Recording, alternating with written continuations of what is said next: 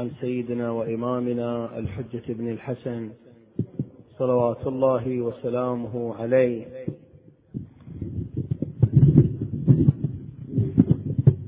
وهو حديث مهم لأنه حديث عن الإمام الذي أوجب الله تعالى علينا معرفته.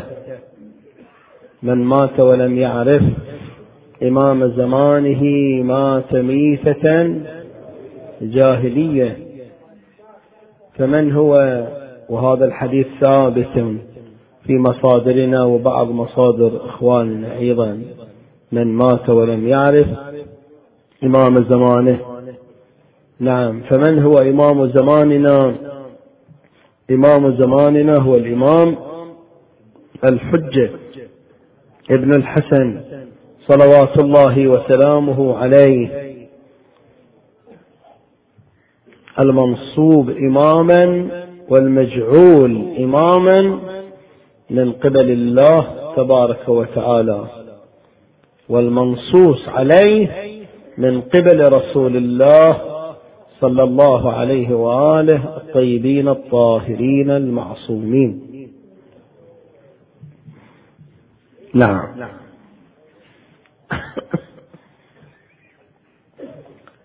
فعقيدتنا في الإمام أنه ولد مولود. وأبناء العامة يقولون سيولد. وبعض أبناء العامة يقولون بأنه ولد. لاحظ. فالمسألة عندهم ليست اتفاقية.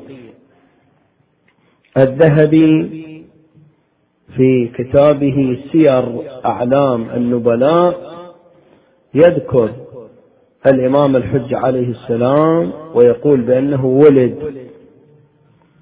هذا عالم سني كبير الذهبي والشبلنجي والحنفي القندوزي ابن صباغ المالكي هؤلاء يذكرون بأنه قد ولد. وأكثر إخواننا أبناء العامة يقولون سيولد. أما شيعة أهل البيت عليهم السلام فإنهم مجمعون ومطبقون على أنه سلام الله عليه قد ولد في عام 255 من الهجرة. ومن شك في ذلك فليس بشيعي. يعني ما نقول من أنكر ليس بشيعي لا نقول من شك. من تردد. من احتمل بأنه غير مولود هذا معناه أنه يعتقد أن الأرض خالية من الحجة. نعم. فالإمام الحجة عليه السلام قد ولد جزما. وعندنا على ذلك أدلة كثيرة. نعم. تدل على ولادته سلام الله عليه. أدلة كثيرة. مذكورة في كتاب كمال الدين للشيخ الصدوق في البحار للعلامة المجلسي نعم كفاية الأثر للقمي نعم منتخب الأثر للشيخ الصافي كتاب الغيبة للشيخ الطوسي. هذه المصادر الهامة التي ذكرت أحاديث ولادة الإمام سلام الله عليه. نعم وش وشهد بذا وفي الكافي أيضا رواية عظيمة لطيفة يرويها لنا عن أحمد بن إسحاق القمي. أحمد بن إسحاق القمي رجل عظيم من وجهاء الشيعة كالسيد الخوئي رحمه الله في زمانه سيد الطائفة كالسيد السستاني مثلا الآن. رجل عظيم واجهة من واجهات التشيع أحمد بن إسحاق.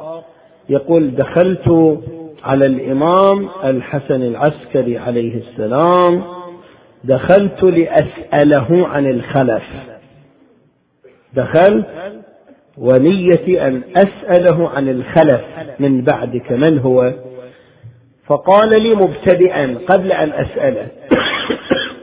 قال لي مبتدئا يا أحمد بن إسحاق اعلم أن الله تعالى لم يخل الأرض من حجة منذ أن خلق آدم وإلى الآن. لم يخلها من حجة يقوم آه، لله تبارك وتعالى على العباد. به يدفع الله البلاء وبه ينزل الغيث وبه تخرج الأرض بركاتها. الله.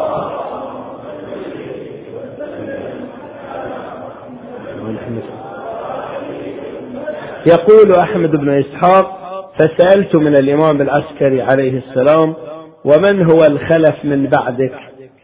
من هو الخلف من بعدك يا ابن رسول الله؟ فقام سلام الله عليه ودخل إلى البيت قام مسرعا ودخل إلى البيت ورجع وعلى يديه غلام وجهه كالقمر ليلة كماله وتمامه.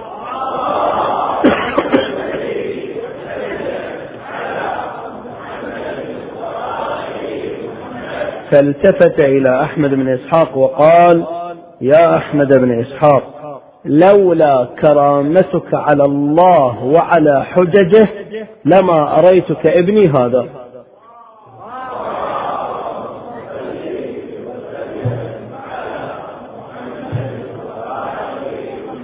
لولا كرامتك على الله وعلى حججه لما أريتك ابني هذا ابني هذا سمي رسول الله صلى الله عليه وآله وكنيه. نعم يعني كنيته كنيته. يملأ الله به الأرض قسطا وعدلا كما ملئت ظلما وجورا وإن له لغيبة. تقع فيها الحيرة. نعم. وإنه شبيه بالخضر وبذي القرنين. وإن له غيبة لا ينجو فيها من الهلكة إلا من سبقت له من الله العناية. وأكثر من الدعاء للإمام الحجة بتعجيل الفرج. يقول سلام الله يقول أحمد بن إسحاق فسألت من الإمام العسكري قلت له سيدي هل من علامة يطمئن بها قلبي؟ هل من علامة يطمئن بها قلبي؟ وإذا بالإمام الحج عليه السلام ينطق ويقول يا أحمد بن إسحاق يا أحمد بن إسحاق أنا بقية الله والمنتقم بي من أعدائه هل تريد أثرا بعد عين؟ اللهم صل وسلم على فنطق الإمام سلام الله عليه بهذه الحجة. نعم؟ يقول أحمد بن إسحاق فخرجت من عند الإمام العسكري وعدت إليه في اليوم الثاني. جئت في اليوم الثاني وقلت له سيدي نعم ذكرت أن آه، أن الإمام الحجة مثله مثل الخضر ومثل ذي القرنين. ما هو وجه الشبه بينهم؟ قال الغيبة. الخضر غائب وذي القرنين أيضا غاب عن آه، نعم جماعته. كذلك ولدي الحجة يغيب يغيب مدة ويمكث حتى ينكره أكثر القائلين به. نستجير بالله. حتى ينكره أكثر القائلين. يعني الإمام يقول بعد مو, مو يتحدث عن السنة. السنة ما آمنوا بولادته. وإنما يتحدث عن الشيعة. القائلين القائلين بولادته. سلام الله عليه. يقول إذا طالت المدة عليهم ينكره أكثر القائلين به. نستجير بالله. لاحظوا هذه الرواية. أكدت على عدة أمور. رواية عظيمة هذه. الأمر الأول الذي أكدت عليه الروايات هذه الرواية الصحيحة في السند بينت فوائد وجود المعصوم حتى لو كان غائبا لا نراه ما هي فوائد وجوده. إذا واحد يسألني هالسؤال ما هي فائدة وجود الإمام؟ سلام الله عليه. الجواب بين الإمام العسكري سلام الله عليه ثلاث فوائد لوجود الإمام. الفائدة الأولى به يدفع الله البلاء. والفائدة الثانية وبه ينزل الغيث والفائدة الثالثة وبه تخرج الأرض بركاتها. اللهم صل.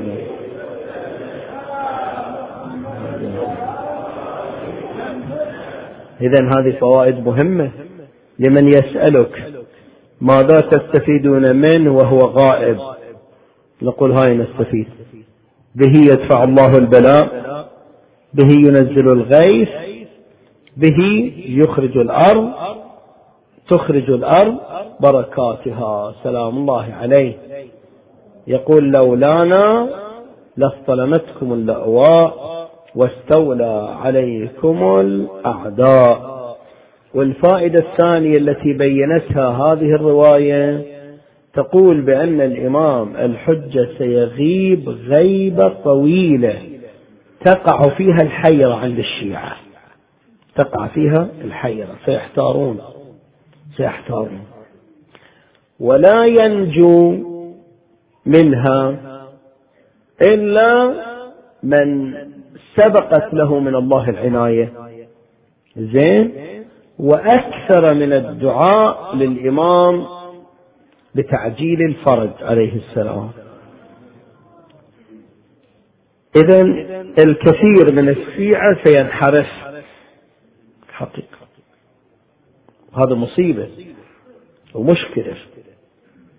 نعم. مثل ما انحرف مثلا أحمد الكاتب كان شيعي كربلائي. هذا كربلائي شيعي. نعم. انحرف اسمه عبد الرسول لاري. انحرف. وسمعت وسمعته وأنتم سمعتموه. يقول وجود الحجة بن الحسن وهم وهم يقول. قال صح. نعم. يعني لا تستغرب. لا تستغرب. الروايات أشارت وقالت سينكره أكثر. يا ليت قالت؟ كثير. أكثر القائلين به سينكرونه. نعم. نستجير بالله.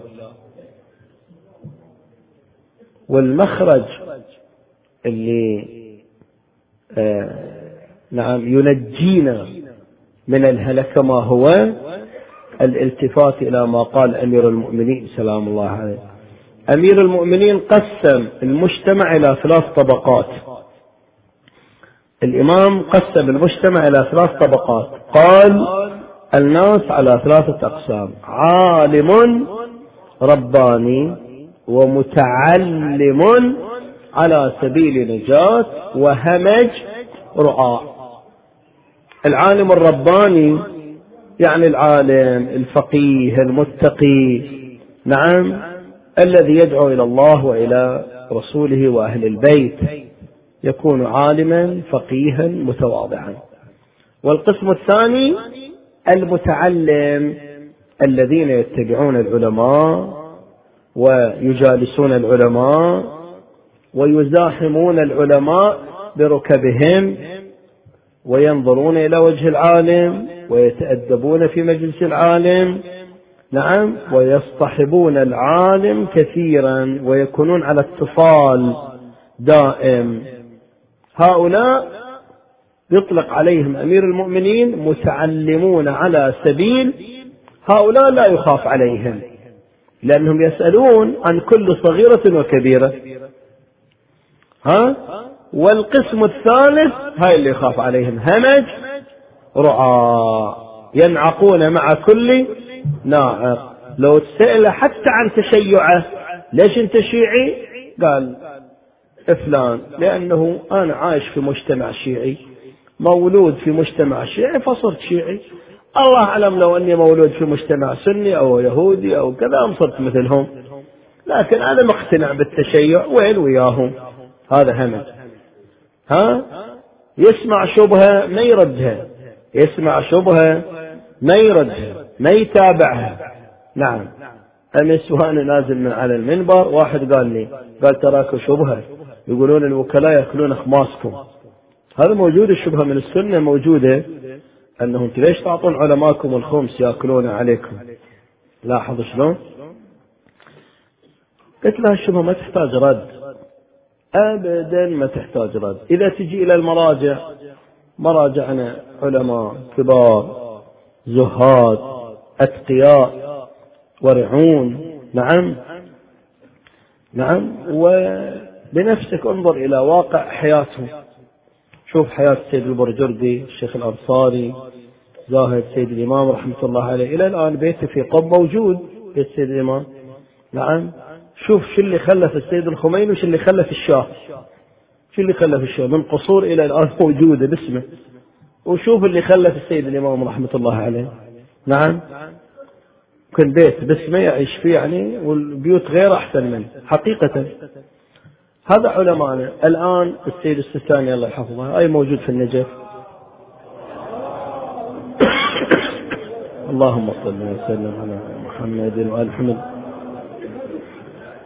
عنده بيت واحد البيت الثاني وقف يستقبل فيه المؤمنين. وقف نعم. وبيت اللي عايش فيها إيجار. ما ما ما يملك بيت. زين؟ وينفق الأموال على مصالح الشيعة. وهكذا كل علمائنا كل مراجعنا ها مو أنا أذكر لك الاثنين فقط من باب المثال كل مراجعنا. إذا نجي إلى الطبقة اللي بعدهم فوين يصرف الخمس؟ يصرف على بناء المساجد الحسينيات تزويج الفقراء والمساكين تشييد الحوزات العلمية. تشييد الحوزة الآن الحوزة العلمية في النجف الأشرف في قم المقدسة في الأحساء المباركة. ها؟ هاي الحوزات تعيش على موائد الخمس. نعم. تعيش على موائد الخمس. هاي رواتب الطلاب وكذا من ال ال الخمس. زين؟ هذا للمصرف الخمس. بالنسبة للوكلاء الوكلاء كثيرون. يمكن المرجع العام يكون له ألف وكيل في, الم... في أو أكثر. زين؟ أنا أقول لك لا تعطي خمسك لكل وكيل. لا تعطي خمسك لكل وكيل. بعض الوكلاء قد ينحرف. علي بن أبي حمزة البطائني انحرف. وكيل الإمام الكاظم وانحرف زين؟ فبعد هذا شنو؟ أنت عليك أن لا تدفع خمسك إلا لوكيل تثق بإيمانه وبمعلوماته عن الخمس وبمصارفه. نعم؟ وتطمئن وين يودي الخمس؟ وسائله أيضا ما ما بي شيء. يقول له أخباص وين تروح؟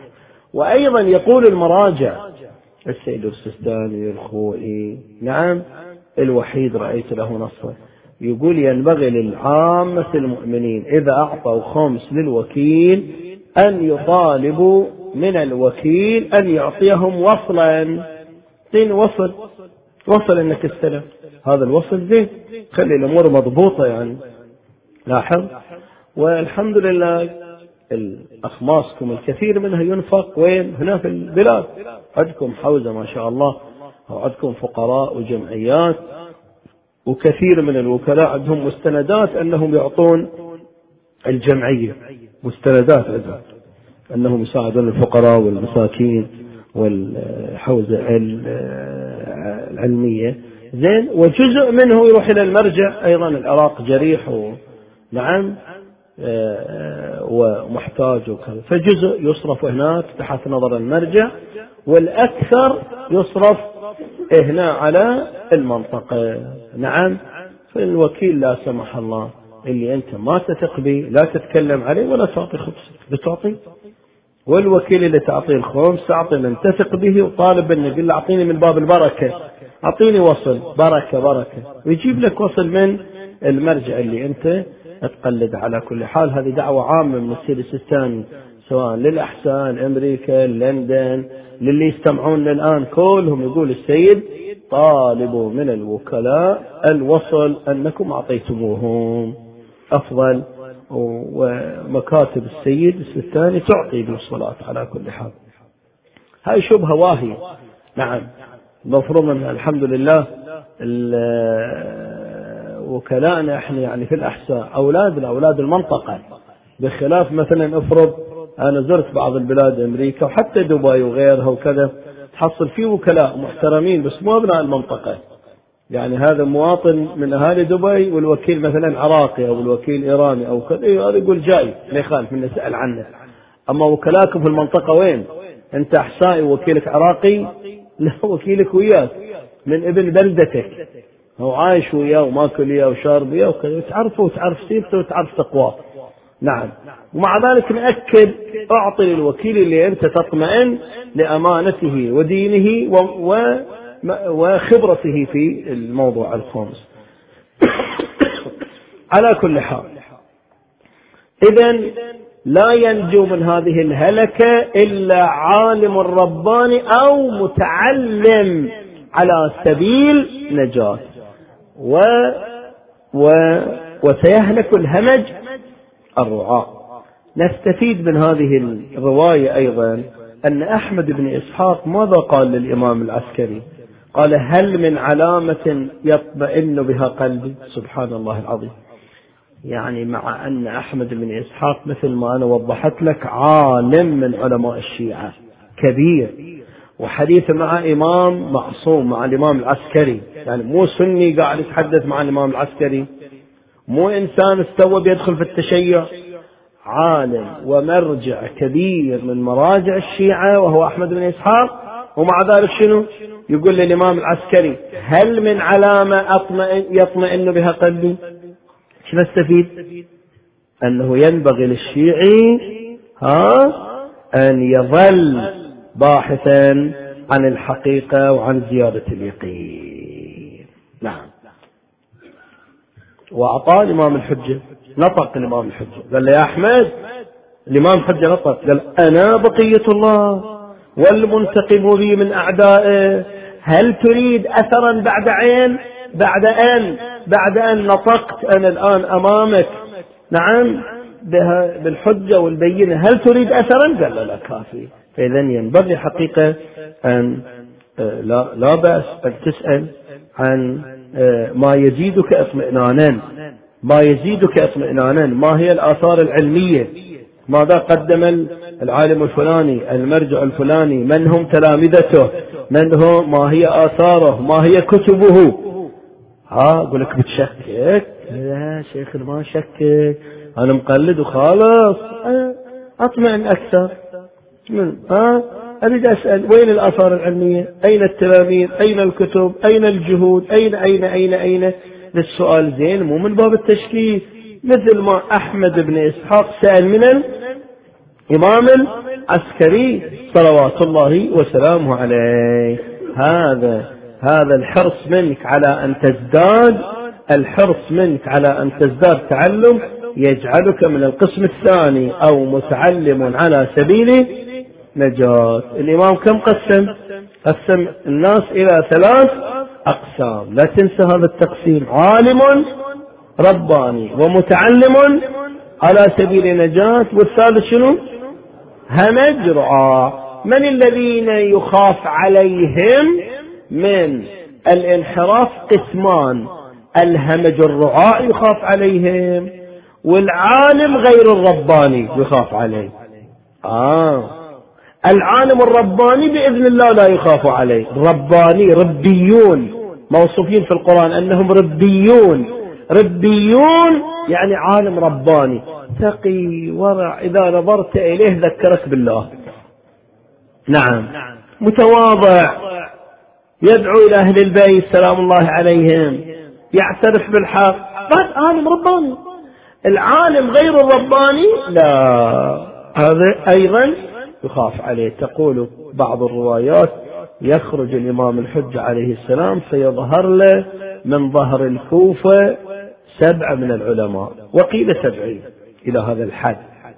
في رواية سبعة في رواية سبعة. علماء بس مو ربانيين. يقولون للإمام الحجة ماذا تريد؟ قال لهم أنا الإمام. ها؟ مو تقول اللهم عجل ظهوره. أنا الإمام. جيت أتولى زمام الأمور. يرد عليه السبعة؟ لا. إنه ليس لنا حاجة في آل محمد. اطلع أرجع. إيه شيعة. ليس لنا حاجة فيكم. إحنا مغطين الساحة ومكفين. ناس تحب إيدنا وتقبل إيدنا وتعزمنا وتصلي ورانا جماعة وإحنا نصلي الجماعة والجمعة ونعقد ونطلق ونقضي ونحل مشاكل الأمة. الأمة ما محتاجة شخص يسمونه الحجة. لا حاجة لنا في آل محمد. يقول هالشكل.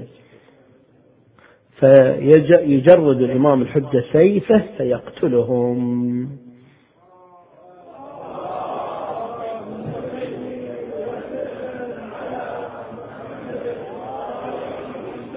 تقول الرواية فإذا قتلهم خلاص استتب له الآمر. كأنهم هؤلاء العلماء الفسقة يكونون حجر عثرة في أمام هداية الناس. حجر عثرة يقتلهم الإمام صلوات الله وسلامه عليه أجمعين. فإذا من الذي ينجو؟ عالم. والثاني ومتعلم. شو معنى متعلم؟ يا إنسان أسألك سامحني. أنت الآن ختمت العلم؟ أنت متعلم. الآن تعرف تصلي الحمد لله واليوم جمعة. يستحب غسل الجمعة غسلا مؤكدا ويجزي عن الوضوء. نعم عند السيد الخوي والسيد السيستاني ولا يجزي عند السيد الإمام الخميني. نعم تعرف مسائل. لكن أسألك أنت الآن ختمت العلم؟ صرت عالم رباني؟ أجل شنو؟ شو المفروض بك؟ أن هالمعلومات اللي عندك لا تكتفي بها. فهمت؟ المعلومات اللي عندك لا تكتفي بها. حاول شنو؟ تزداد. أعجبني شخص أمس. لما أنا قلت لكم بتحدث عن الإمام الحجة سلام الله. إجاني واحد طاني سر بإذني. قال شيخ نجيب لنا من الأحاديث اللي ما قد سمعناها أصلا. يعني يقول أريد ازداد يقول أريد حديث لم أسمعه عن الإمام الحجة عليه السلام. نعم. وعدت إن شاء الله. إذا تمكنت اليوم إذا ما تمكنت مو مشكلة يعني. ها؟ باعتبار عندي وصايا مهمة أريد أبلغها للمجتمع. إذا ما قدرت أعطيك إن شاء الله في فرصة أخرى. بس أنا أعجبت به حقيقة. يعني يقول آه، مثلا كثير من الأحاديث عن المحجة سامعينها. تكرارا إحنا الآن شو نريد؟ نزداد هذا معنى شنو نزداد يعني متعلم متعلم متعلم. أما إذا ما زدت ما نسميك متعلم نسميك تعلمت مثل اللي درس ست سنين في المدرسة وطلع. من يطلع ما يواصل درسه. نسميه الآن متعلم ولا نسميه انقطع؟ انقطع بل ما نسميه متعلم. والإمام والإمام والإمام سلام الله عليه. أعطى النجاة لمن؟ أعطى النجاة للعالم الرباني. وللمتعلم على سبيل نجاة واللي خفق الهمج الرعاع والعالم غير الرباني نستجير بالله. زين. تكليفنا ما هو في عصر الغيبة هو أن, أن نتعلم. لو جيءني بشباب من الشيعة لا يتفقه لأوجعته ضربا واحد سألني والآن ورقة موجودة عندي. قال شيخنا اذكر لنا العلامات الحتمية لخروج الإمام. أنا أقول هذا خوش سؤال. ليش خوش سؤال؟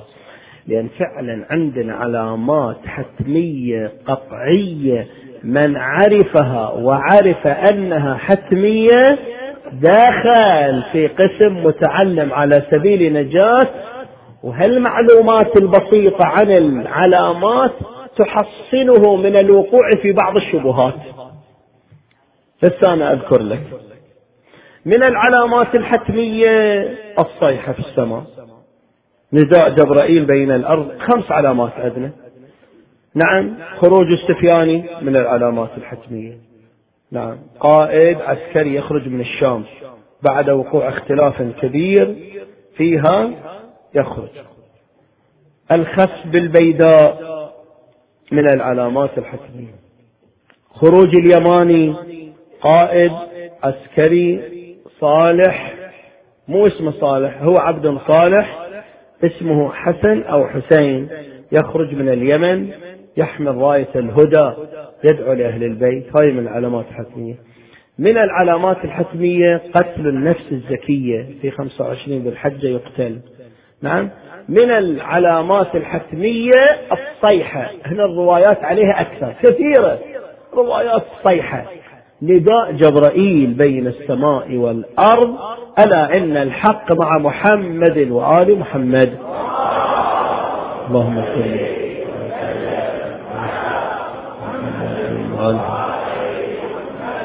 هاي من العلامات الحتمية. الصيحة. بنداء يسمعه الكل الكل يسمعه. الفتاة. تخرج من خدرها. الرجل الكبير الصغير العربي الأعجمي الإنجليزي الهندي. نعم وكل إنسان يسمع هذا النداء بلغته الخاصة به. نعم. شنو الفائدة من تعلم هالعلامات؟ أنا أقول لك شنو الفائدة. يعني أقرب وأوضح فائدة البلبلة الآن الموجودة في النجف الأشرف ها وصارت في البحرين قبل كم سنة. سامعين بجند السماء؟ سامعين بهم اللي رادوا. هاي صحيحة. جند السماء جماعة شيعة. قسم من الديوانية وقسم هذه من وين. عزموا على قتل المراجع كلهم سستاني وغيره. ليش؟ قالوا إحنا جند السماء وإحنا انصار المهدي. اي المهدوية عندنا إحنا. أنا واقعا قلت يمكن الأخبار اللي قالوها في الفرات وغيره يمكن تمويه أخبار سياسية أكو شيء ثاني. ها؟ لا في الحج التقينا نعم حجاج أو ناس علماء موثوقين وعايشين في النجف الأشرف قالوا قضية صحيحة. أكو جهاد هالشكل؟ مجرعات نعم.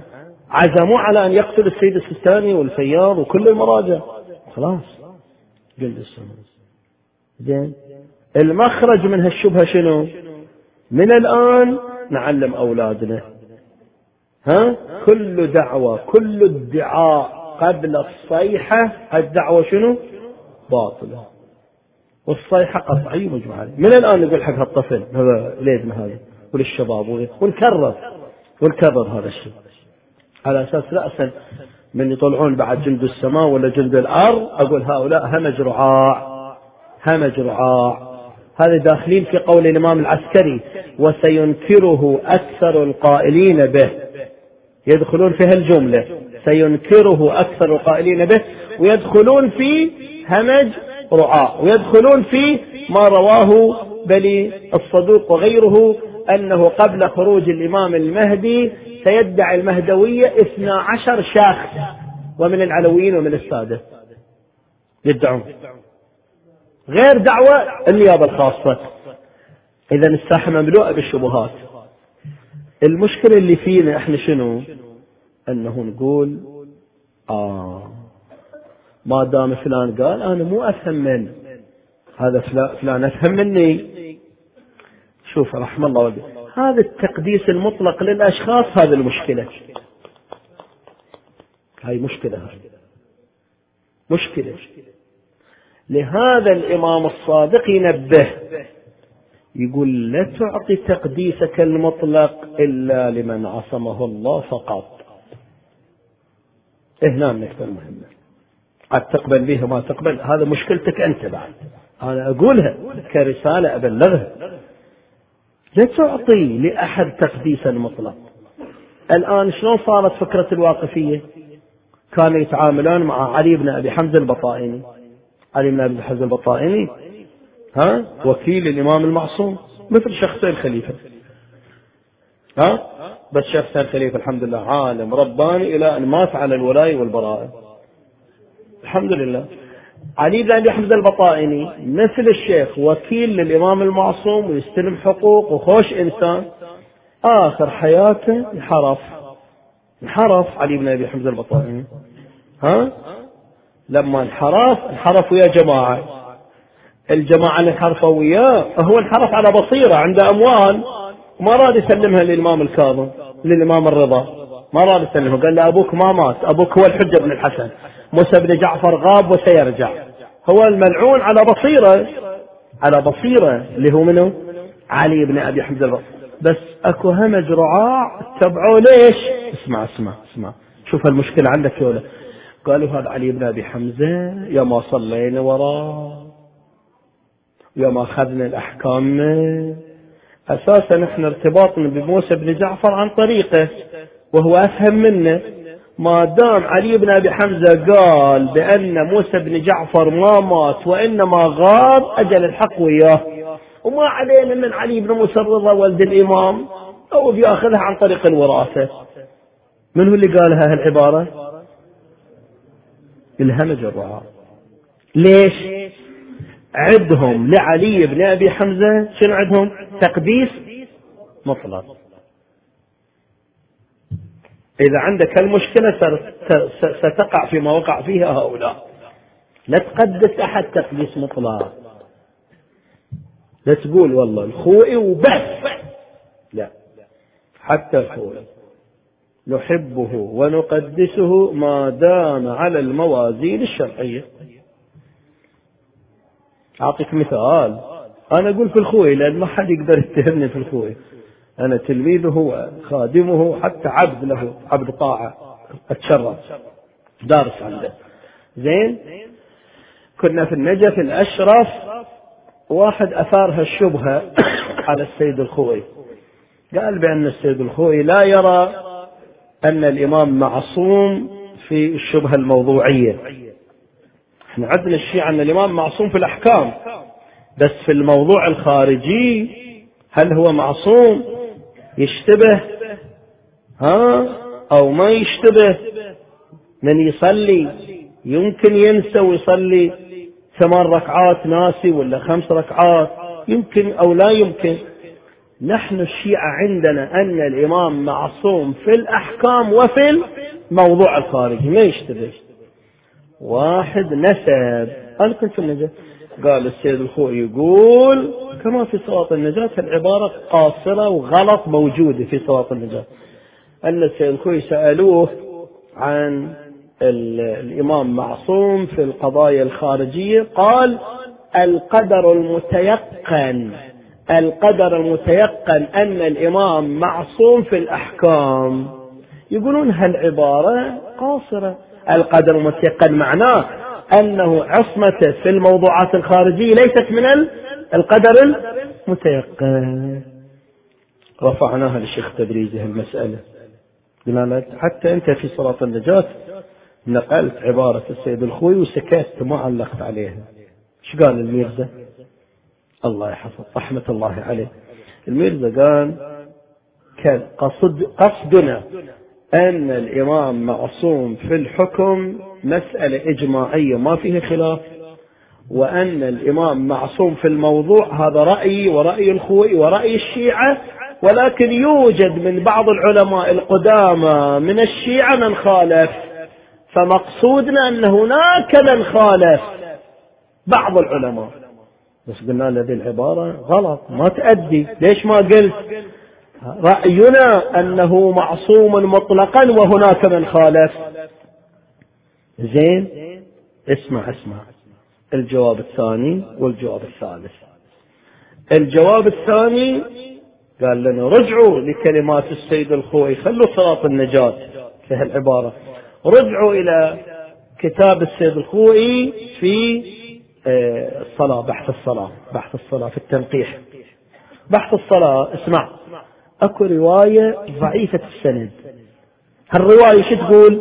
بأن علي بن أبي طالب أمير المؤمنين صلى بأصحابه يوم من الأيام بدون وضوء. ولما صلى وطلع وفرغ من الصلاة قال لشخص من المصلين قل للمصلين يعيدون صلاتهم ترى أنا صليت بلا وضوء ناسي. معني؟ فالإمام سلام الله عليه اسمع. السيد الخوئي اسمع اسمع اسمع. زين تسمعني؟ رد على الرواية وقال عندي جوابان على الرواية. الجواب الأول إن هذه الرواية ضعيفة السند رواية شنو؟ ضعيفة السند والجواب الثاني إن هذه الرواية منافية لأصل المذهب فإن من أصول مذهبنا عصمة الإمام في الأحكام وفي والموضوعات. هذا كلام منه سيد الخوي صريح ولا مو صريح؟ صريح. وين موجود؟ في كتاب الصلاة في بحث التنقيح. عندي موجود في البيت. نعم؟ بحث السيد الخوئي مطبوع وموجود على الإنترنت وغيره. إن هذه الرواية ضعيفة السند وثانيا هي شنو؟ منافية لأصل المذهب. هذا الجواب الثاني. اسمع. الجواب الثالث. يمكن ما يرضى يحمل علي. خوئيون وأنا منهم. خوئي يعني. يمكن ما نتحمل قال لنا أستاذنا. وافرض السيد الخوئي قال افرض السيد الخوئي قال بأن الإمام مو معصوم في الشبهة الموضوعية. الخوئي ما يمثل مذهب في هالموقف. نتركه هذا معنى عدم التقديس المطلق. لاحظ؟ يعني الجواب الأول هذا اللي قرأناه عليكم أن عقيدة السيد الخوئي كغيره وأن الخوئي يقول أن الإمام معصوم وأن عصمته من أصول المذهب. والجواب الثاني اللي سمعناه من أساتذتنا في النجاة يقول لو فرضنا لو أن الخوئي ما قال بالعصمة. نتبعه في هالمسألة ما نتبعه نقول الخوئي اشتبه كبيرة علينا أنا والله أول ما رحت النجف ما تحملت هالعبارة أستاذي قال لي إياها. يعني أحد أساتذتي اللي ربوني لما قال لي هالعبارة وها؟ انصدمت. انصدمت. صدمة قوية. ظليت أطالع الأستاذ أقول هذا ليش يحكي عن السفوي ليش يقول هالشكل؟ ما تحملت. بس عدم تحملي لجهل المفروض أخوي معصوم. لا. خلاص. إذا اشتبه اشتبه. المفروض يكون اتباعي للخوئي اتباعي للخوئي مشروط أو مطلق. وهكذا اتباعي للسيد الإمام لغيره للسستاني لكذا. متى يكون اتباعي مطلق؟ لمن؟ المعصوم للإمام الحجة اتباعي مطلق. لأن الله عصمه. جعله من أهل آية التطهير. وارث الكتاب. إيه إذا أكرر وأؤكد. إذا أردت أن يبعدك الله عن القسم الثالث لا تكن من الهمج الرعاة أن لا يكون تقديسك لأحد غير المعصومين أن لا يكون تقديسك تقديسا مطلقا. حتى ارتباطنا بالمعصوم له حد. عقيدتنا في الإمام الحجة لا تصل إلى أمير المؤمنين وأبوهما خير. عقيدتنا في أمير المؤمنين لا تصل إلى النبي وإلا كنا مغالين. عقيدتنا في النبي لا يصل إلى. إذا محدودة. أصبح اللي بدون حد رب الأرباب. وبعده النبي الأكرم بس بعد الله. هذا الحد. وأمير المؤمنين بعد النبي. والأئمة بعد جدهم أمير المؤمنين. هذا الحد. وبعدين مطلق. أما علماؤنا لا. أولا بعد الأئمة وثانيا بشرط أن لا يخالفوا المذهب. آه. يعني لو لو انكشف لي أن عنده مخالفة عن غير قصد ما اتبع في المخالفة. الخوي وغير الخوي. أعطيتك المثال. أعطيتك وما أعطيتك. هذا هذا خلاص. إي. اسمح لي والله. كاتب الأحاديث الغريبة اللي يمكن أنت ما قد سمعت عن الإمام الحجة بس وقت ما عندي. إذا هذا اللي سألني أحاديث عن الإمام الحجة غريبة وما سمعناها إذا يجي يو يجي بك مو بكرة بكرة المقتل مصرع الشريف. إذا يجي يوم 11 ويقول لي أنا موجود يوم 11 أتلوها عليكم.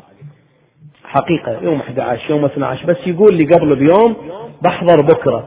وأعطيك أحاديث غريبة ما سمعتها عن الإمام الحجة لأن أحاديث عن الإمام الحجة عندنا ثلاثة آلاف رواية على الأقل مو على الأكثر. صحيح خطبة شغلة من ثلاثة آلاف رواية. ها؟ تفاصيل نزول الروم إلى الرميلة يعني الغرب إلى الرملة يعني منطقة القدس. آه، وتفاصيل نزول الترك إلى الجزيرة وش يسوي وكم يحكم. أكثر من ثلاثة آلاف رواية. على كل حال. إذا من تكليفنا في عصر الغيبة أن نكون متعلمين على سبيل نجاة. ودائما نقول الحق وحق أن يتبع. هذا السيد القاعد الله يحفظه سيد محمد علي كتب في الآونة الأخيرة كتيب صغير. اسمه الحق وحق أن يتبع. عنده غيرة وحرص شاف بعض الشبهات انتشرت. شبهات بس وين؟ عاد تضرب في صميم العقيدة. نادى عليا مظهر العجائب الشرك. ما نتحمل إحنا. إحنا مو مشركين إحنا. إحنا نعتقد أن الوجود المستقل لله وأن الفاعل المستقل هو الله. نحن بهم نتوسل. الإمام الباقر يقول يا مولاتي يا فاطمة الزهراء غيثيني. اغيثيني يعني الامام الباقر يعتقد أن الزهراء هي لها وجود لها فعل مستقل؟ بإذن الله. نعم.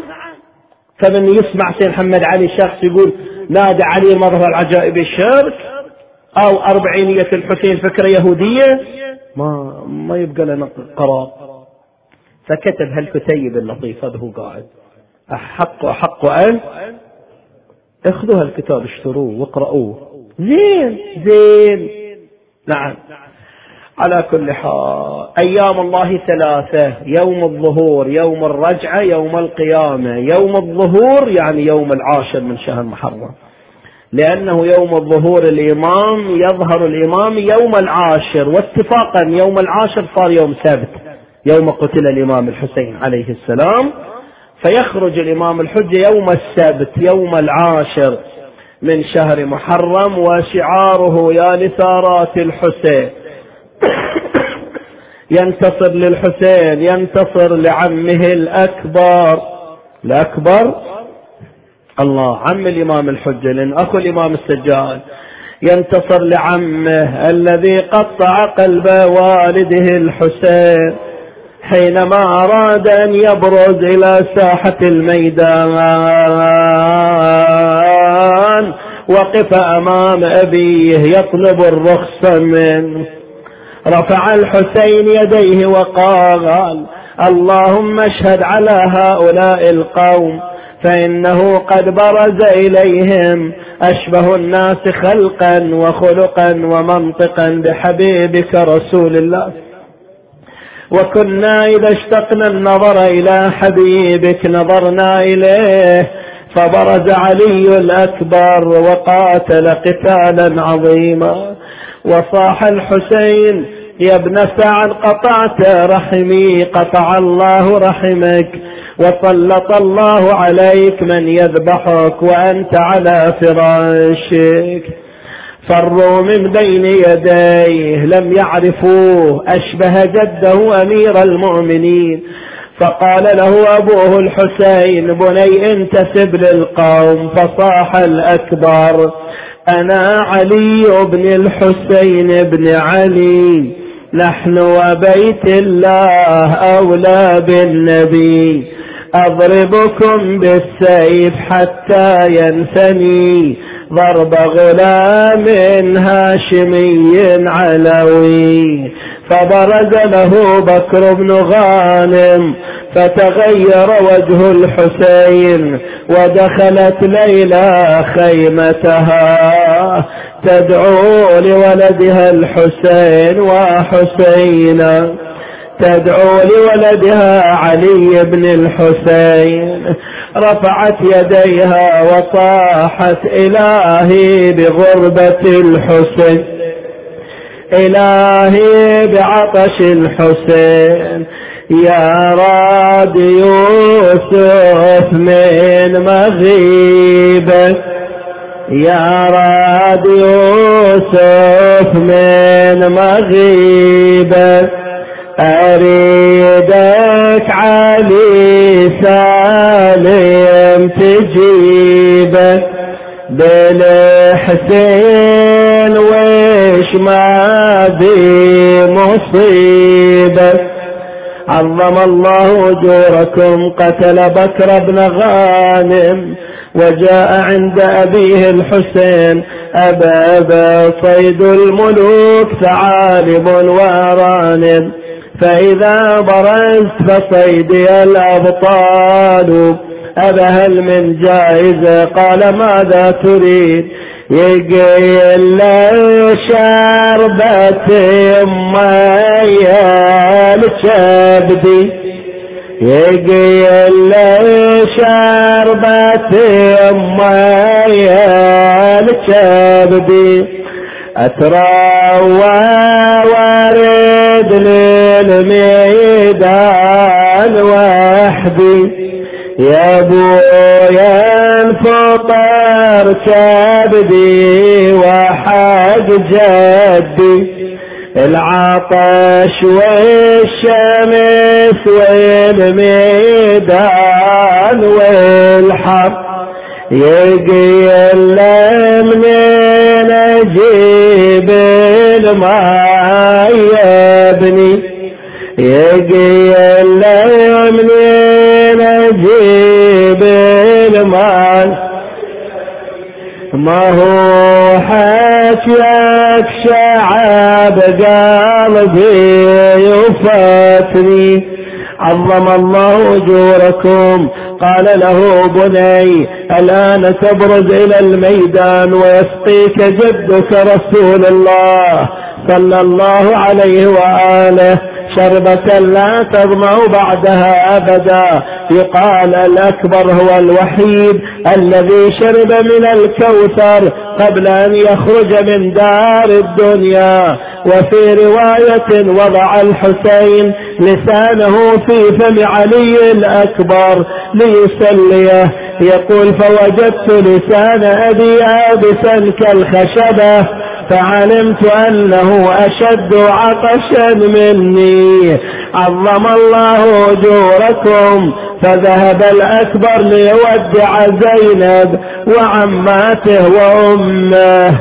زايق عيد يا بعد أمك. ليلى جزايق عيد يا بعد أمك.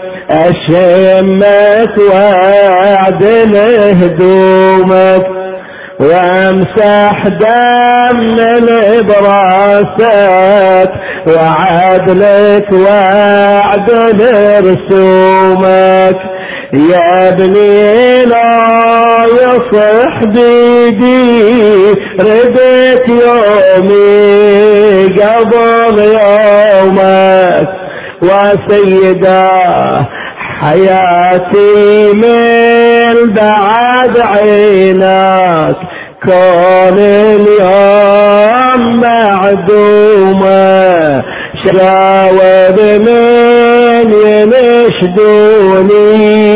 وين ابنك يا مظلومة؟ أقول بكربلاء مطروح. ومنك تشخب دموع أخذه الحسين من عند النساء ضمه إلى صدره. عويلي من تلاقى وعند موده امشابك طول لمن هوى ونلقى. لا حيل ولا دبايا ولا بولا على التربان ويلي والوقت حر عظم الله أجوركم. جاءت زينب عند الحسين. لما حس بها ترك ولده. برز الأكبر إلى الميدان. سدار ويلكم شابك زال وسيوف. نشابونا بالوسهام وحتوف ما والله رجف قلبه من الخوف. ولا وجه من اشراقة غد وعليات موج الخيل من يجبل عليه كان الخيل أبو الحسنين بيها ذاب هذا ورا وهذا لديها. اسم الله عليك الله تعسر.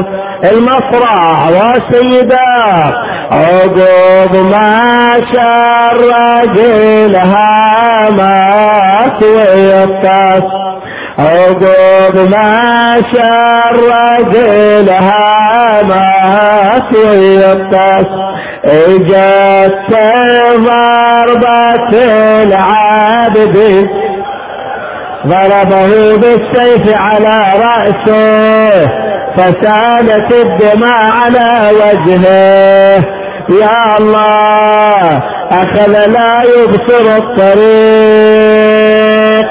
شوبك عالمور لا يبالا يودي. لابوه حسين على القوم يحمي أثار المور لا العدوى عن فردي. وأوشب آه دم وأفط العسكر يا شيعة. عظم الله أجوركم. صاح الأكبر هذا يا حسين أدركني هذا جدي رسول الله يسقيني بكأسه الأوفار شربة لا أظمأ بعدها أبدا. تقول بعض الروايات عن زينب تقول زينب لما سمع أخي صوت ولده الأكبر كان واقفا ووقع على الأرض. ثم قام ووقع ثم قام ووقع اضرب على صدرك وهو يصيح ولدي علي! ولدي علي! ولدي علي! ولدي علي! ولدي علي! أيوا عليا جاء الحسين عند الأكبر رآه صريعا مقطعا مبضعا صاح بني على الدنيا. بعدك العطاء يا شبيه المصطفى. ومصيبته وعلياه قعد عنده قعد عنده. وشاف مغام وضلعه.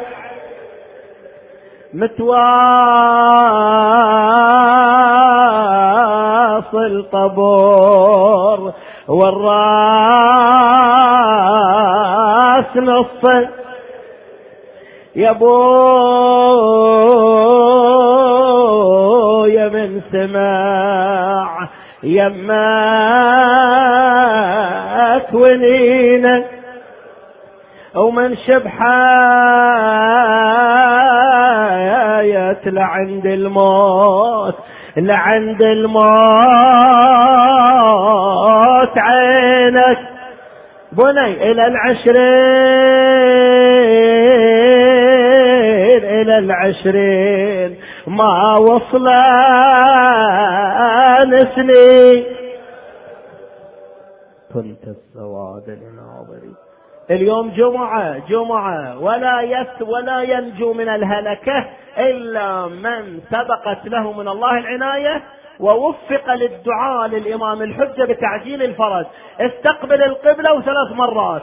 اللهم صل على محمد وآل محمد. اللهم كن لوليك الحجة ابن الحسن. صلواتك عليه وعلى آبائه